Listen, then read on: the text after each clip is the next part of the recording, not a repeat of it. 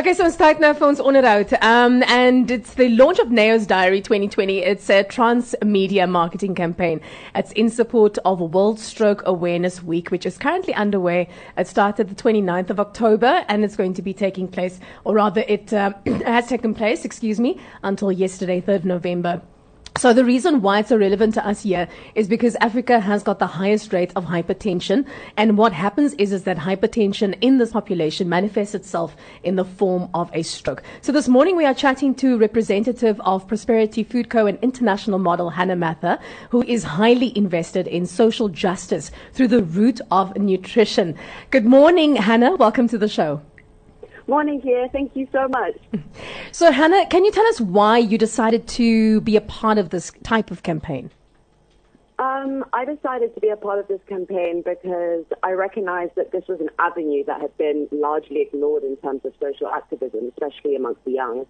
And ultimately, I wanted to be of service to others, and this was the area I best saw fit. You know, there are so many things that are out of con- our control, mm. um, which can be hugely frustrating. You know, for example, it's easy to engage in conversations about problems in our government, but you know, again, they're largely out of our control. But what we put in our mouths and how we nourish and care for our bodies is a whole lot more in our control. And I think mm. it's important to think not about what the world, you know, can offer you, but what you can offer the world. And I just also think that the plight of chronic illness, generally speaking, is under vocalized Mm. Considering how badly it affects our community. And I just wish to work to illuminate these issues, especially to young South Africans, to restore our agency. Mm. So this campaign consists not only of yourself, um, but also social entrepreneur Yolanda Methven. So how did that journey come about? Good question. Um, so I knew Yolanda personally. Um, I knew her because she was friends with my mother. Mm. But to be honest, I became quite conscious of how important it is to seek mentors in your life and in your community. And, you know, growing up as a girl, I realized that all the people I admired who were in my life were generally men. And I mean, it makes sense just because, you know, most of the books that you read at school are by male authors and the athletes that you love are generally men. And mm. unconsciously, I was seeking a woman or just women generally who reflected the kind of person I wanted to be in the world. And I knew very little about Yolanda or what she did, mm. but I sensed immediately from her presence and her energy that she was a person that I wanted, that I looked up to, and I thought that I could learn from. So you know, I just asked her if there was any way I could get involved mm. in any capacity in any projects that she was running at the time, and and this was something that we came up with together. Okay, so now this morning we're chatting to Hannah Mather from uh, Prosperity Food Co. and international, uh, also international model about this campaign. Um, what role do you feel does a healthy lifestyle play with strokes and hypertension? Um, I think it plays the most vital role, to be honest. You know, with all illnesses, they have a lifestyle component, and I think it's the largest component. Um, it is what we put in our bodies and our minds which play the like the largest role in what makes us sick um, and it is also the part that we have agency over. You know, living a healthy lifestyle can be hugely preventative for experiencing chronic illnesses like stroke and hypertension.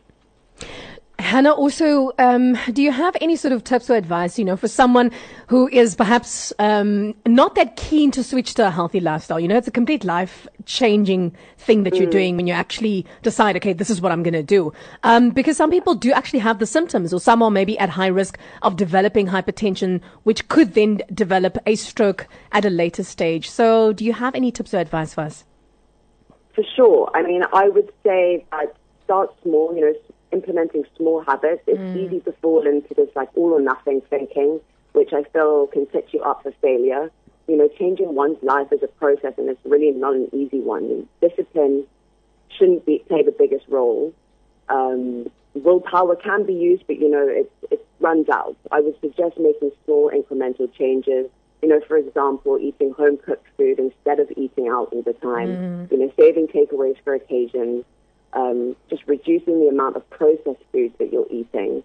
Um, you know, I used to be very addicted to Coca Cola. Mm. So to get myself and stop drinking so much Coca Cola, I would, you know, mix water and Oros or a cordial or even an Appletiser just because I knew that that had a lot less sugar, even though it still had sugar, it was a lot less. Um, and doing something good for you requires no discipline when you like and enjoy it. So I think it's about, you know, finding finding foods that you really enjoy. Even with exercise, it's the same. Um, you need discipline less and less when you actually enjoy what you're doing and what you're eating. And So I true. also find that when you start eating better, your palate actually changes and what you crave for changes as well. So again, discipline becomes less and less of a component. So true, and I'm just I'm loving what you're saying when you say start small, because I think so many of us get so overwhelmed, and all we want to do is, okay, this year I'm going to do it. I'm going to be healthy. I'm going to Yeah. exercise. I'm going for it, and then you know, like two months down the line, you're kind of like fizzled all out, and you've lost that momentum. So start m- small, and also adjusting it to your lifestyle to make sure that it suits you the best way, and that would actually be a great way to start. Thank you. Thanks for joining us this morning. It was so great chatting to you, Hannah. Thank you so much for having me, guys. Thank you very Awesome. much. Enjoy your day. you too. Have a beautiful one. Thank Okay, you. bye-bye. Bye.